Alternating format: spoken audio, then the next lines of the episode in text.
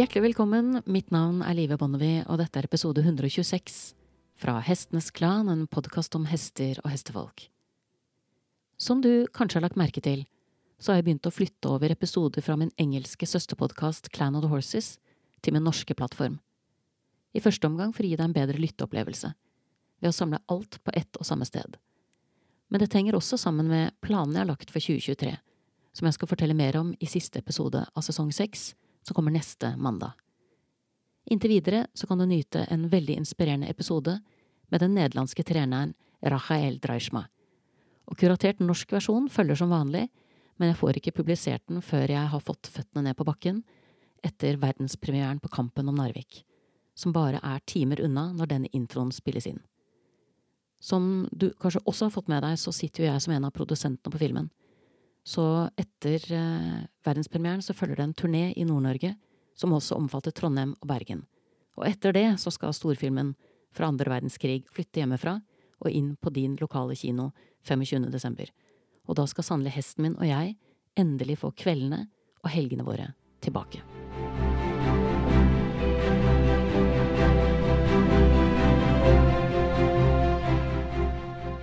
Okay, Rachel, we are we are back. Yeah. Uh, thank you so much for having me, Nina. And thank you for making the time. I mean, I know we have a very busy schedule. Um, we are going to talk about scent work today. Um, but before we start, in case people haven't heard uh, the previous episode that we did on calming signals, which is, uh, you know, it's an episode I really recommend. Uh, could you say just a little bit about your your background and where you're coming from when it comes to horses? When it comes to horses, I've been around horses in a way, I feel all my life since I started at uh, riding schools when I was six years old. Always been around horses daily. And if we talk about having animals as a profession, then I can say that I started with dogs and not with horses. And I was very, very interested all my life in the comfort zone of animals. And as a behavior consultant visiting dogs at home, I remember so many cases of dogs where I was thinking like, how can I empower that dog to face life on its own and be courageous and not needing support because he could handle it by himself and be courageous, courageous, curious. And when I started the work in 2003, in that that age, and maybe people remember, the linear hierarchy was still very popular and they say like well you have to be boss and you have to be leader and the dog needs to follow you. And on the other hand um, um, the theory of you have to be nicer nicer you have to have a stake and if, if you're the best in the world of the dog then he will follow and do everything. I'm simplifying right? I'm generalizing now. He will do anything you want him to do. But here i was sometimes with dogs that were so afraid that me being a leader didn't matter. It didn't. It didn't help them. Me having dangling a stake before their nose didn't didn't help either.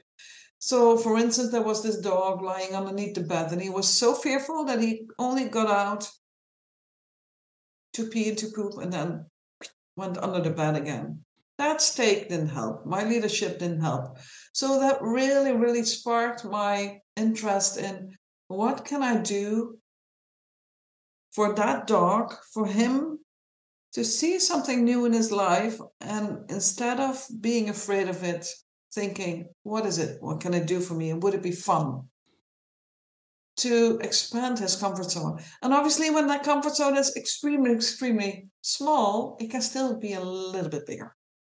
So that that in a way was the starting point to exploration, to exploring exploration and scent work with dogs, and also with horses because I found horses also have to meet so many high demands in their life, as sometimes dogs.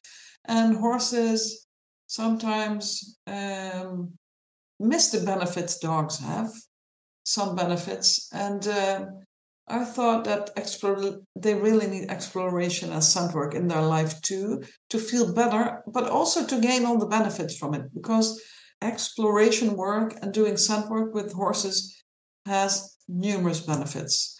And it's not very well known in the horse world. So I have a big task, and that's why I'm so grateful for your help to reach people to inform them that there are so many ways we can help horses to live our lives together, even comply with our wishes if they're reasonable, uh, but also give back and help them um, help them cope with their life a bit better. So, if we dive into this uh, this word, scent work, um, I also heard it described as uh, nose work. Is it the same?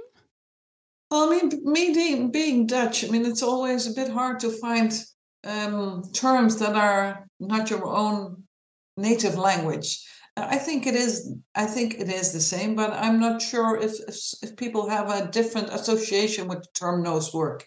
What I mean with with exploration and scent work, with scent work, I really mean those exercises where the horse's nose is um, given a chance to be used because in a way as horse owner we all recognize that they use their nose a lot when they're fearful and they try to remember where they are when something is stressing them so you can really see the nostrils flare and dilate uh, but we don't use the nose uh, that much if it comes to finding their own food or uh, finding a herd mate or finding a missing person. And that is what I mean with the scent work, that it really is, really are those exercises that stimulate the use of the nose in a positive way for them. And with exploration, which, which in a way is also in my book, I more or less have those exercises that combine the nose, but also the touch, the feel, how it feels, how it tastes, how it looks, how it moves. So, for instance, you can think of the enriched environments where you have objects in the arena and a horse can explore.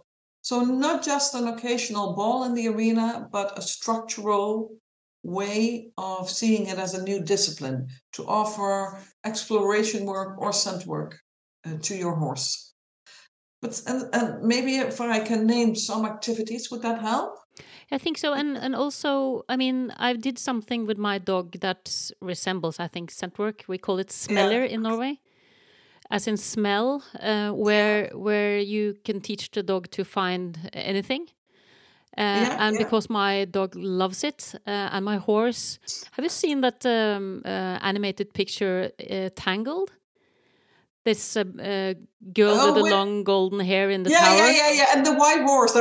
Yes, my horse is like, like yeah, my like horse is like Maximus. You know, he's he's really into you know the nose in the ground and stuff. So so when I did the smeller training with the dog, it was very easy to think, mm, you know, could I do something with the horse? And because I had no idea how to start, I just started with apples that I would hide, and and uh, just kind of, you know, ask him a question and and just wait and and he he really he was really quick to figure out okay i can actually search for something here and and we had so much fun with it. And and uh, exercises like that i would call treat search. And the persons who really formed a pillar in that as i mentioned Turid Rugaas, but also Anne Lill Kvam with her international dog nose work education. And uh, they call it treat searches. So you scatter food, you hide food pieces, and the, and the horse gets or dog gets uh, a gesture like find or where are they, and he can rumble around and uh, and the tracking.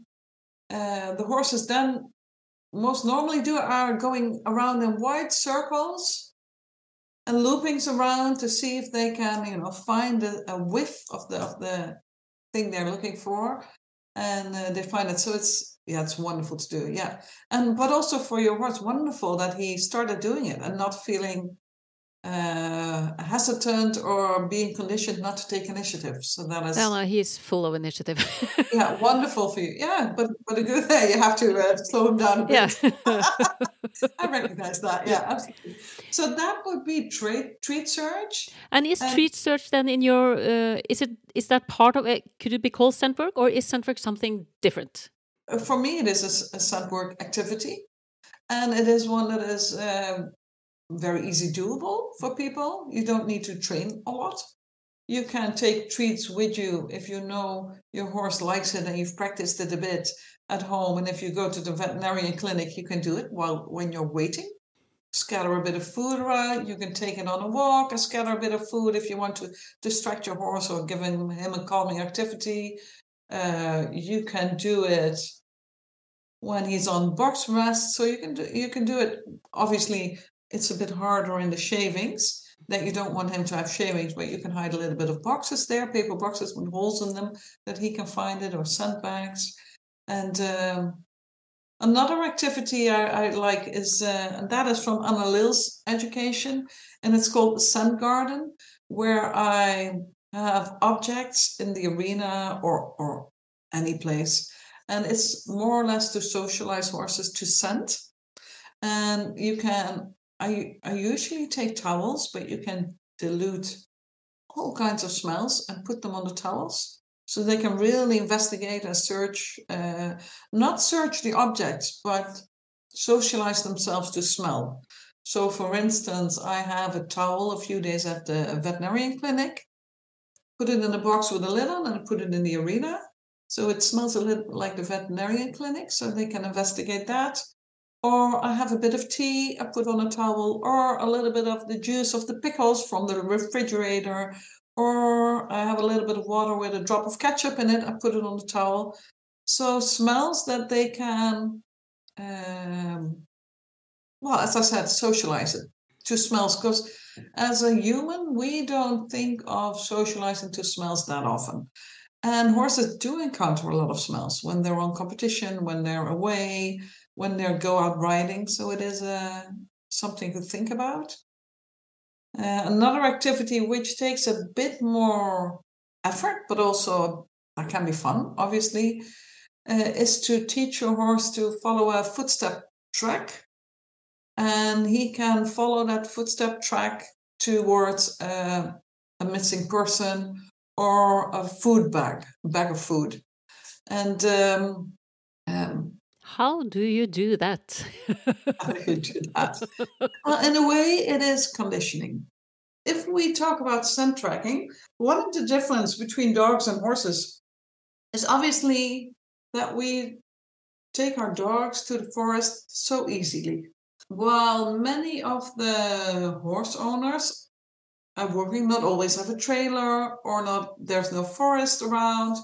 So what I encountered when I wanted to start scent work with the horses is that at a lot of barns there are not many places where you can hide as a missing person because hmm. everything is so flat. The arena is flat, the pastures are flat. If I would hide, I have four or five, six spots behind the hay bales or a or a garbage bin, but the horse will know that quite soon, right? So I thought, like, okay, I cannot roll around or dig myself in the arena as a missing person, so I have to have something else that is also working and it's very logic for the horse. So I thought, well, what is more logic for a horse than to find its own food? I mean, that's a primary thing. So what I do, the, the fabric is like it doesn't give away particles.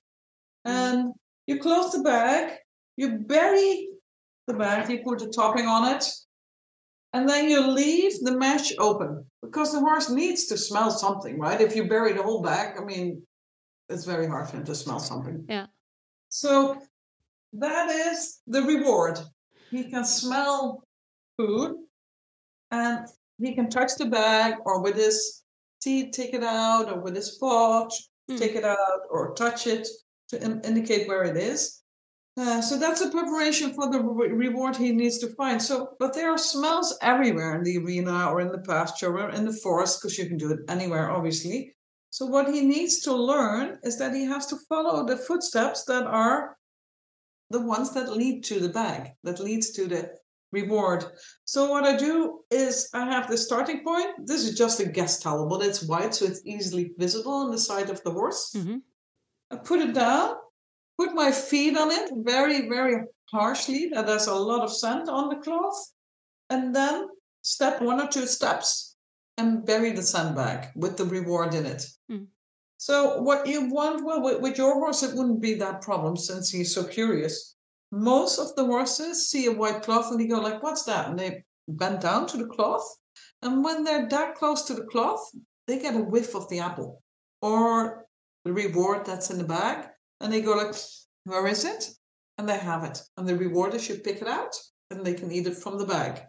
And then you start to lengthen the track, and you make curves, and and you start to then he starts to you know you start to make it more difficult so that you in a few runs can lay more difficult tracks for him and um, that in a nutshell is for the scent tracking method some horses are naturals they don't have any hesitation of starting it they get it right away and some horses don't it might be that they have been clicker trained and are waiting no, and are more or less conditioned to show muscle movement. So they might see cloth and think like, oh, do I need to go up and down?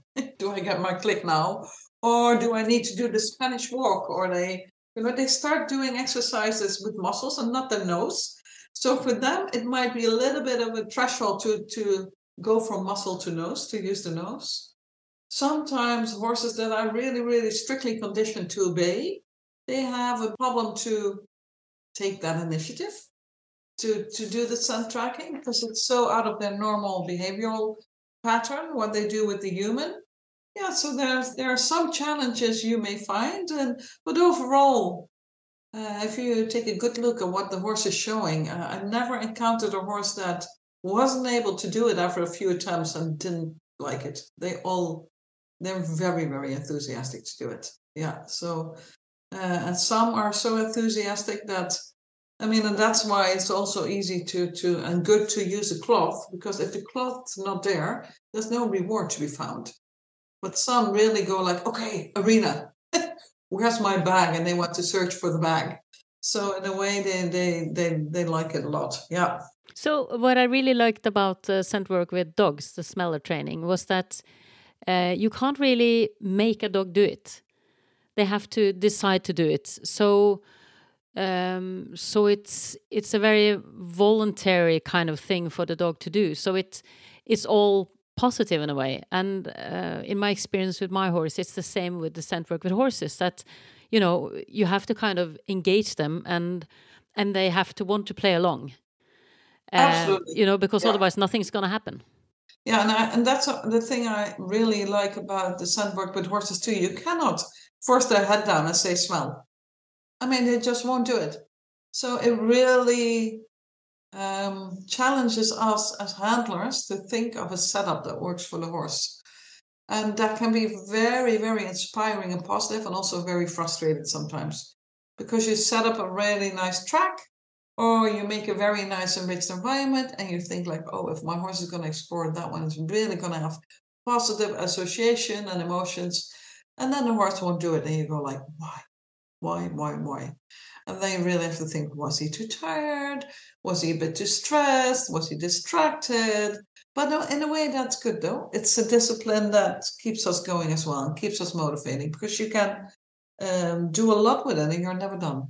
And that's good. It's not like, as I said in the beginning, give him a ball, have him have a play around, and that's it.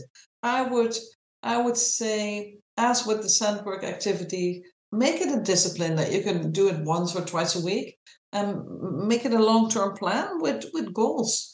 And then uh, you can develop in that and your horse can develop in that. And then you also have long-term effects. Uh, in what way do you find that it affects the relationship between horse and rider? I think it does a lot of good. It does a lot of good because you offer the horse something he truly enjoys and is natural for him. So in a way, it would. I mean, and horses are not dogs, obviously, and it is so so natural for a dog to sniff on a walk, and we let him. But imagine that we were so conditioned that the dog was never allowed to do sniffing, and all of a sudden there comes Rachel Draaisma, and she says, like, you know what, horses or dogs really like to sniff. You have to try it. And we go, yeah, uh, dog, we know that. But perhaps that's the same for horses, though and maybe not to the same level, but I really tend to see that they love to explore. They are so curious by nature. They take all opportunities when they are getting the chance to to develop. And obviously, a horse that is really, really afraid um, shows a lot of flight behavior. So if you want to help that horse, you have to start with minimal, minimal, minimal tasks so he can grow in the task and be more and more courageous. But once they get the hang of it, they're so happy. So we give them something that is innate to their nature, that they like, what they're good at. Um, so when they see you with the sandbag or the sand leash, they are absolutely willing to join you so that is an aspect that they get a, get a very positive emotion with us as handler, giving them something really nice. And what I think is also secondary benefit is with the scent work, um, we have to follow them because we don't know or we forgot where the track is. So we follow them, so they take the lead. And that reciprocity uh, also is very uh, nice in the relationship. And sometimes you might think, gosh, my horse is getting too courageous and too bold. And you have to find a midway in that. That you really have to say, okay, now it's my turn and now it's yours. Now you have to listen to me. And sometimes, you know, you can do your way and I will follow you. But I do find that the um, horses that do scent work regularly are more easily to come to the owner. Also, when they have to do tasks that are not scent work, because the overall feeling with the handler is more positive.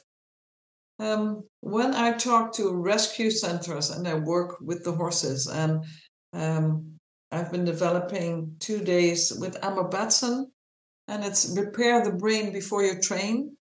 And it goes around that first offer scent work and mental stimulation and enrichment to really have the horse calm down, have a relaxed brain before we start training them to to get a good um, well to get a good brain and gut uh, foundation before we do that. And what what I see and what we get back is that horses um, are less stressed. They are more easily to engage. So they're a bit more open to look at you and see what you want they it is easier for them to be touched. So it has benefits that you would not immediately think of. Obviously less fear reactions or aggressions with humans because we offer them something very nice. So we can do it as a bonding exercise as well. Um, i was in the states with leo and leo was a bit um, um, how do i say that in Dutch, it is uh, obviously I know the Dutch word. What is the Dutch word? Mm, terughoudend. He was like every time I looked at him with my face, he would turn turn away, or every time when I frontally faced him, he would go away. He was not socialized on unknown people that well. So what I did was a treat search, as you did, and he really liked looking for treats in his bigger round pen. And I didn't want to um, touch him, but I just started walking in between because I threw out the treats. And he started looking for them. And I made the same searching patterns like I was looking at the treats too, searching them. Then at the second go, and it took about 10 minutes each, I would point out some treats if he couldn't find them anymore. I would go down and touch them. Obviously, he wouldn't dare to come to me, but whenever I followed my path, he would go to the spots that I pointed on, on the floor. So he did see that movement. And by the third um, third time we did that, I could touch the treats and he would come over to get them when I was near and frontally facing him. And I did not do it with all treats because his fun was finding them on their own. But if he couldn't find them, or, you know, I mingled it a bit. And actually, on the fourth track, and it was four times 10 minutes, he would stand next to me and I could turn to him. And um, it was a bit like magic because it really made a beautiful, beautiful exercise of resocializing. And obviously, that was Leo. So we have to say safety first. And um, I assessed Leo's tension level and his uh, behavior towards humans. I mean, if it is, if it was a horse that would have kicked, I would have started differently. So not everyone with a potential aggressive horse starts throwing treats in the arena and walk around it because it has to be safe, right? But with Leo, it was. It was the right exercise on that time and place. Yeah. So um, I think it is uh, positive on, on, on the relationship, very positive on a human relationship. Yeah. But it can give a bit of frustration as a human if the horse shows uh, he really likes it. And if you're out walking in the forest and he smells the scent and he wants to go there and you have a different opinion. So those, yeah, but those are the things we have to mention since we are so used of horses needing to obey all the time. I just got, uh, um, uh, I have an experience with some of the most interesting trainers I've seen. They mm. would uh, always uh, just let the horse go in the arena at liberty at first. Yeah. Uh, and, you know, spend time talking with the audience. And, you know, it's kind of felt like, you know, the horse was just waiting. But what they actually did was allow the horse to investigate the arena before they started to train. And then you can always see they would be sniffing on the fences, they will be sniffing on the ground. You know, they were really using their nose a lot when given the opportunity. Which is perfect because now you know you have a horse you can work with because he's open to investigating, so the tension level is not that high. So that that's a yeah, perfect indicator, yeah, for a horse. Yeah. And uh and it is fun to do something else with horses. I mean, if I talk about uh, our human role, we're so used to riding, and obviously you can do scent tracking and air scenting while riding. You can also do it when the horse is, horse is not tagged and you can walk him. So if you have older horses that cannot be ridden anymore, or rescue horses, or horses who have an injury of any kind, you can do it. If you as an owner are getting older and are physically not able to ride anymore for one reason or the other, you can do scent work.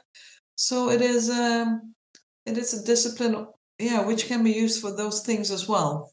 Um, I think I I've done sort of the missing person in. Uh, I didn't think about it at the time, but something I have done with my horse is that I hide in the field. yeah, you you hide. I hide. Yeah. yeah. Yeah. And and when he you know realized that I'm gone, he would run to the place where he saw me last. Yeah. And sometimes, like when you hide from dogs, he would just pass me, you know, going full speed and then he will come back and i think then maybe it's the air scent that no you know makes him makes it possible for him to find me because he he will always find me although i'm not moving and or hearing hearing your breathing or using all the senses you have yeah yeah has. i'm really he, trying to be invisible but but he always yeah. finds me so maybe maybe That's it is wonderful. the scent that is you know his yeah, most important everything. clue Absolutely, yeah, and that's wonderful. And the horses, I mean, even with the tracking and, and not the missing person, obviously, when they found them, they know where they're at. But if they go for the sandbag only and not the missing person, you sometimes also see as a strategy that they follow the track, find the sandbag, and then walk a loop around really to check if there's no track anymore, and then they go to the return to the sandbag. Maybe that's different from the dog example, but uh, yeah. But so nice though, so nice that he does that. And I do think horses have a enormous, enormous, enormous visual memory. If I look at some horses and I really tell people like write down where you hit the bag, because if you if you subconsciously have a pattern and you don't even know it, some horses, if they cannot find the bag, or they go like, okay, yesterday I found it here, a week later, a week before that I found it there. And it's much easier to use your memory than to use your nose because the nose can be tiring. So, uh, yeah, their visual memory is ex- excellent. Yeah. Yeah, it's a lot better than ours.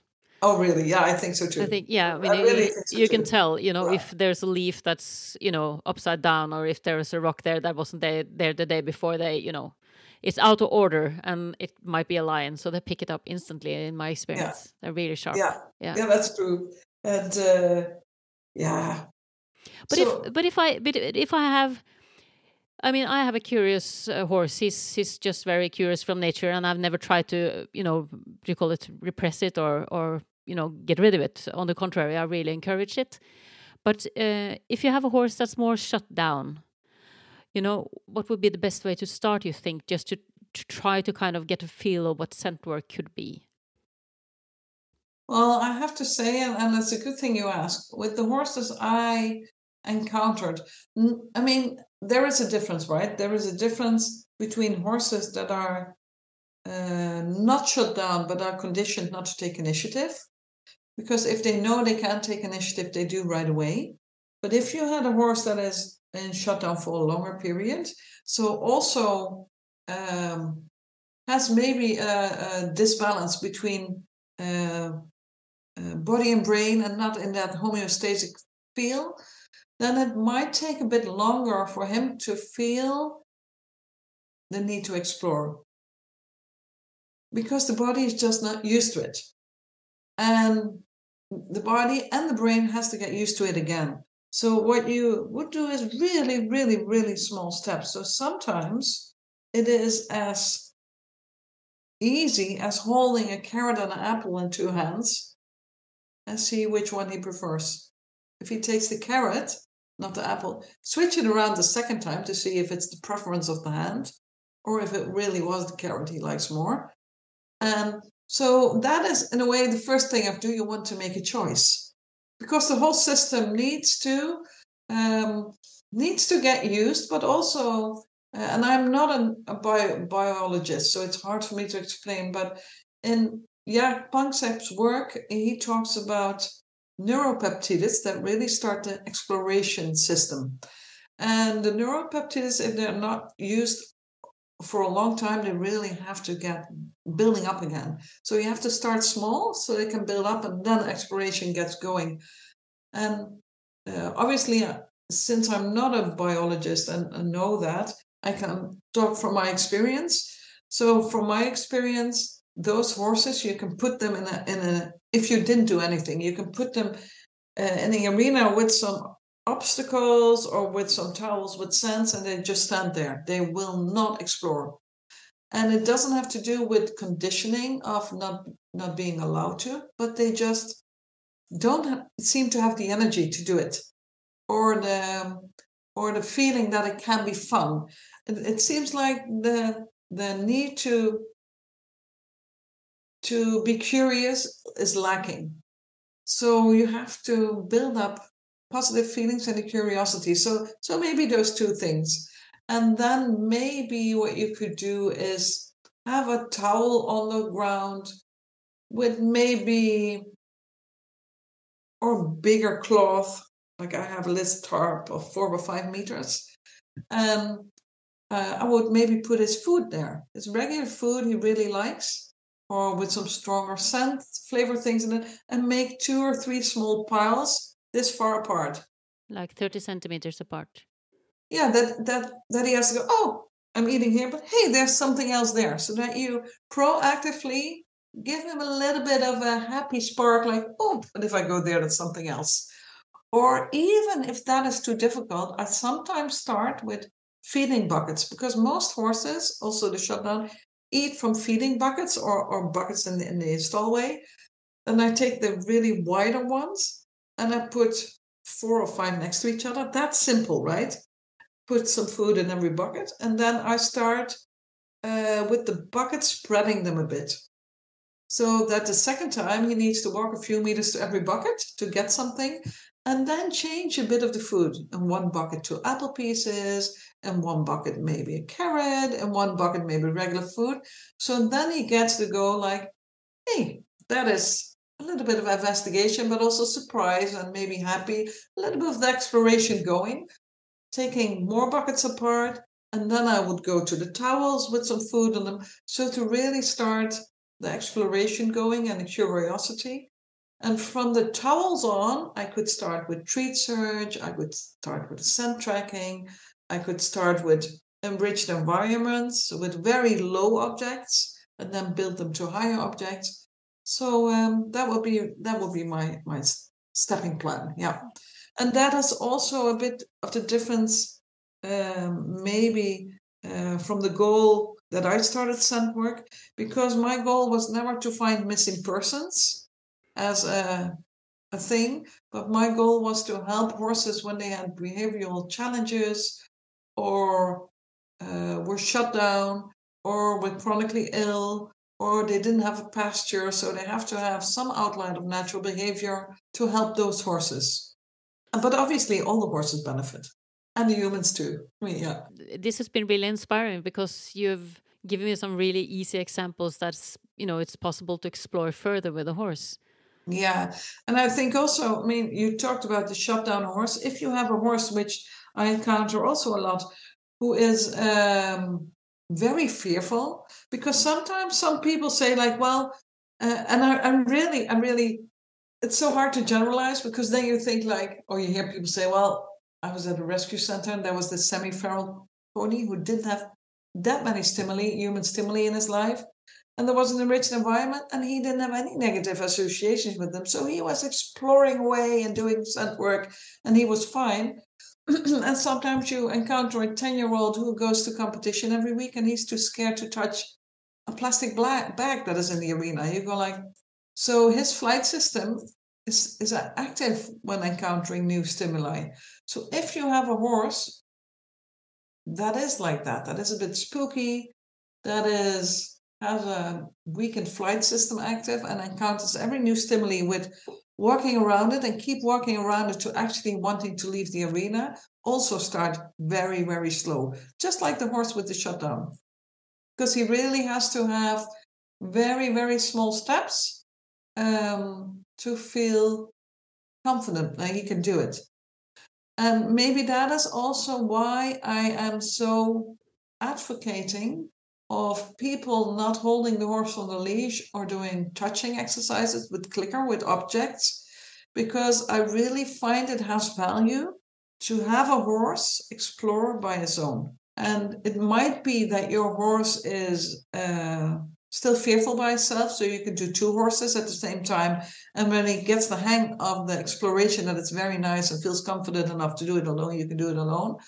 But I think the the benefit of having the horse alone in the arena while exploring exploring stuff towels tarps uh, a cushion maybe a, plastic bag filled with with rummage uh, some clothes hanging hanging there. If he's a, if he's not forced by us on a rope or we control him he can regulate his own tension.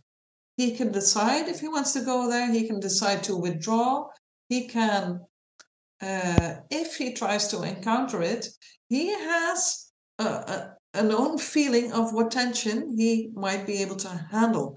And if it's a bit high, it's not the one we inflicted. So he has a reasonable chance to practice self regulating that tension.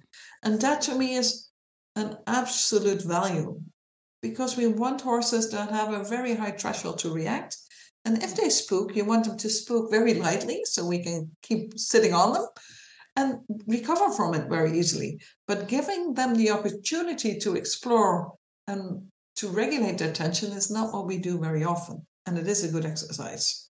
I think what I like so much about the scent work is that it gives us a tool to be playful and to explore together and have fun, especially when things get not the way we want it, we can get so frustrated and so tense. And it gives a tool to play again and to relax. And that is something that is beneficial to all, all of us, human and horse. This, this has been wonderful, Rachel. Uh, oh, thank you so much. Yeah, thank you so much for sharing. You know, this. I think it's a really good opportunity to to spend quality time with your horse in a different way.